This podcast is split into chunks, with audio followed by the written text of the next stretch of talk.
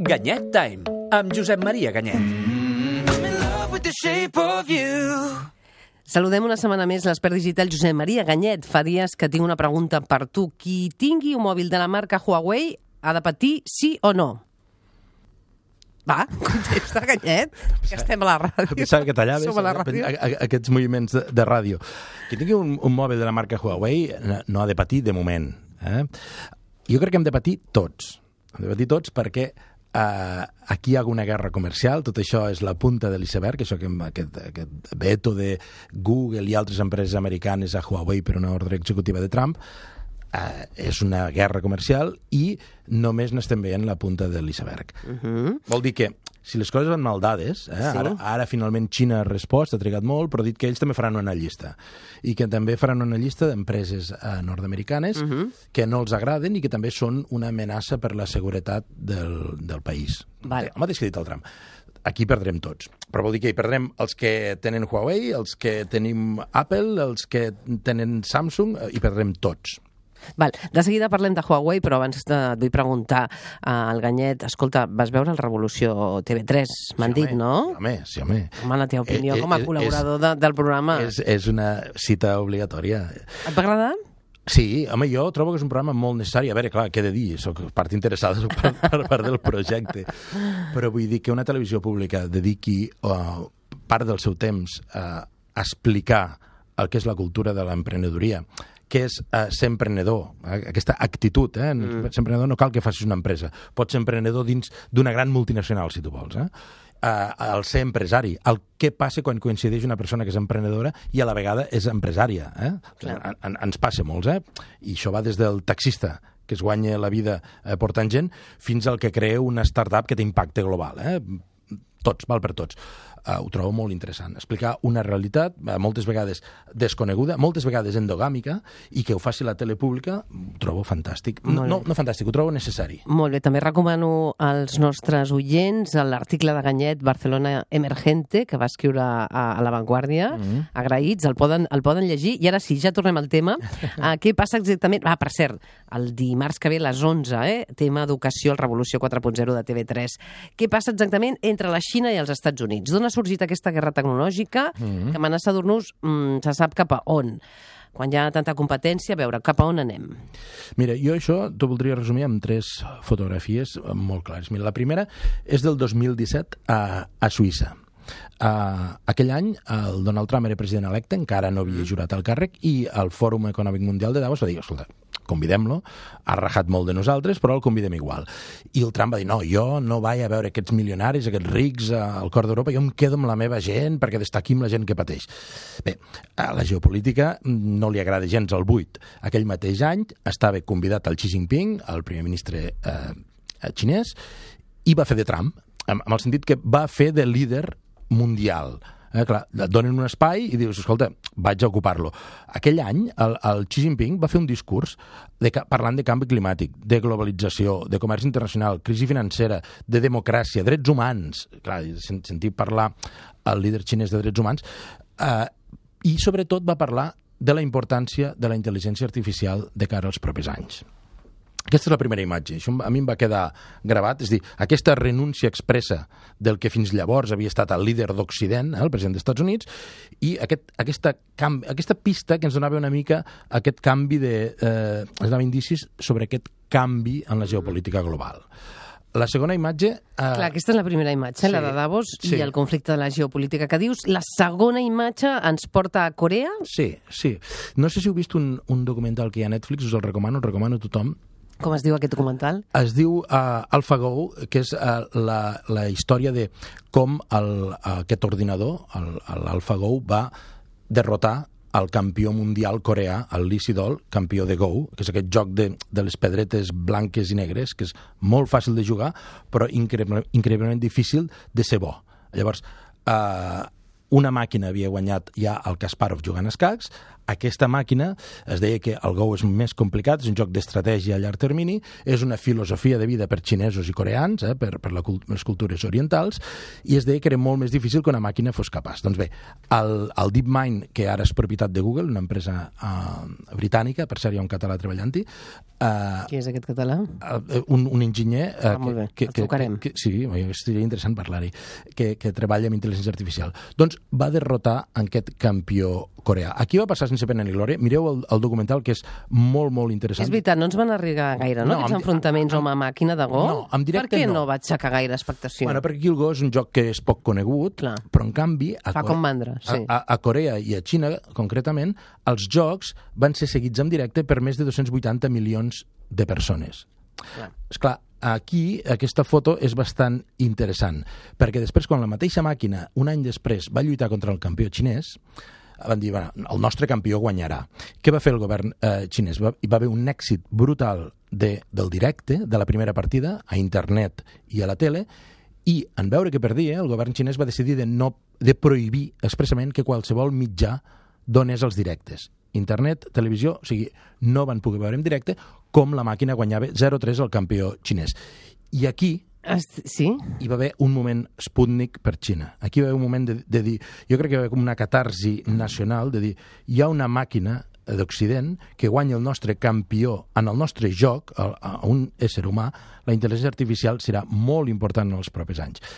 Això explica la tercera foto. Per tant, estem parlant eh, d'aquesta certa humiliació tecnològica per a Xina. La tercera imatge eh, em diuen que és el cap d'any, però no d'una festa precisa. No, no, no. Eh, al cap d'any del mateix any, del 2017, el Xi Jinping fa la, la seva eh, locució anual i a darrere es va cuidar molt de posar uns llibres que són referents d'intel·ligència artificial. És dir, clar, si el president eh, xinès et surt fent un discurs amb uns llibres que es veuen de manera ostensible, ja t'està donant moltes pistes per on anirà.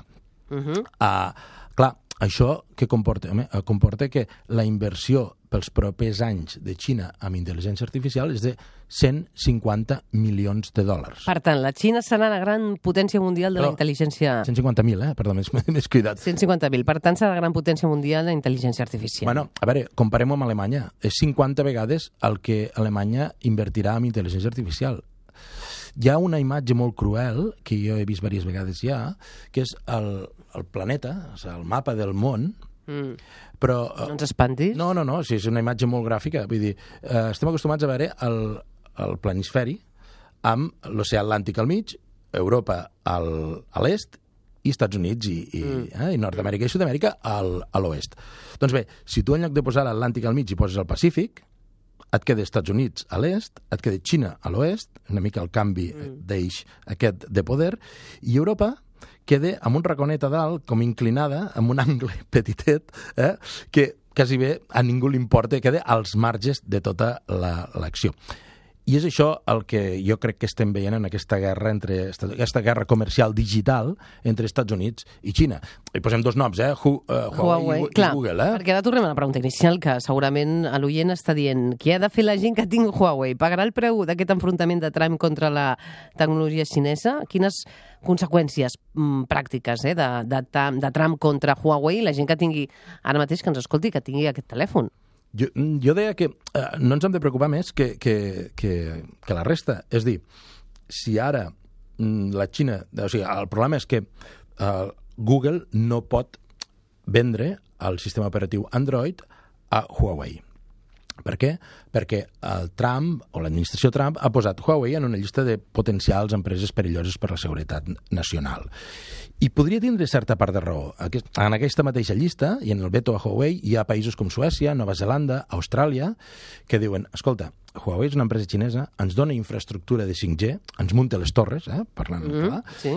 i la llei xinesa diu que qualsevol empresa eh, que operi en territori xinès en qualsevol moment pot ser requerida per la policia o per l'Estat eh, de lliurar les dades a l'organització de seguretat que, que ells estimin convenient, sense notificar els usuaris. Per tant, si fos veritat de que Huawei controla les dades, o sigui, eh, té accés a les dades i aquestes dades poden passar a mans del eh, govern xinès, aquí Trump tindria raó. Uh -huh. No ho sabem, perquè no sabem eh, quins, eh, a quin nivell està o quines portes puguin tindre els de Huawei en les seves, als seus dispositius 5G, però la sospita hi és. I llavors, davant la sospita, Trump ha tirat pel dret, com ha tirat Nova Zelanda, Austràlia i altres països de la Unió Europea que estan, estan parlant. Llavors, ens hem de preocupar si teniu un Huawei? No, continueu tenint Android. Si no teniu l'Android de Google, tindreu una, una versió, que és la versió open source, la versió de codi obert d'Android, però si la guerra comercial escala, eh, Xina pot decidir que Foxconn, que és el fabricant que fabrica tots els aparells d'Apple, no fabriqui per, per Apple. Uh -huh. Llavors, esclar, eh, no, no tindríem iPhones, no tindríem aparells d'Apple tampoc. Eh?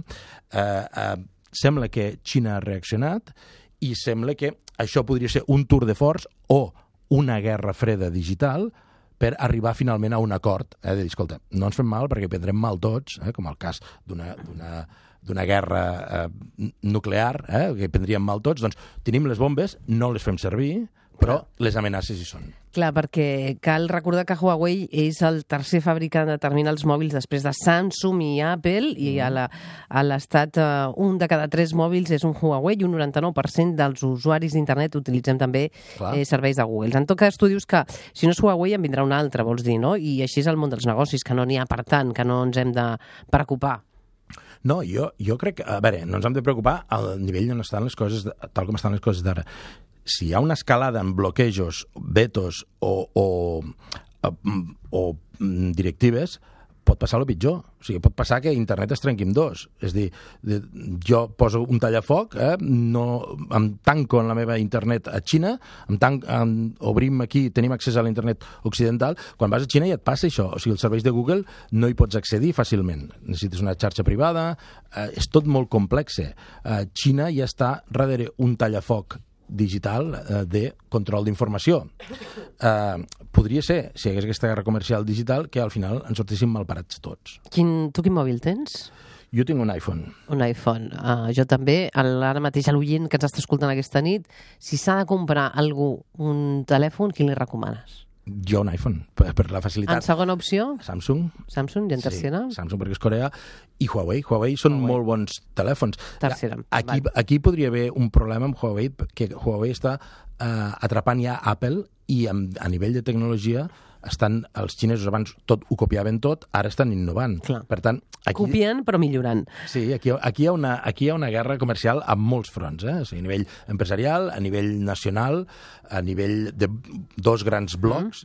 Jo, cre- jo crec que en parlarem moltíssim més. Molt bé, doncs gràcies per explicar-nos aquest enfrontament entre el president americà Donald Trump i el gegant tecnològic xinès Huawei. Com sempre, Ganyet, un dels pioners a Catalunya en parlar d'internet. Jo el seguia des de fa molts anys i em fa molta il·lusió doncs, que sigui col·laborador del Revolució 4.0 a Catalunya Ràdio.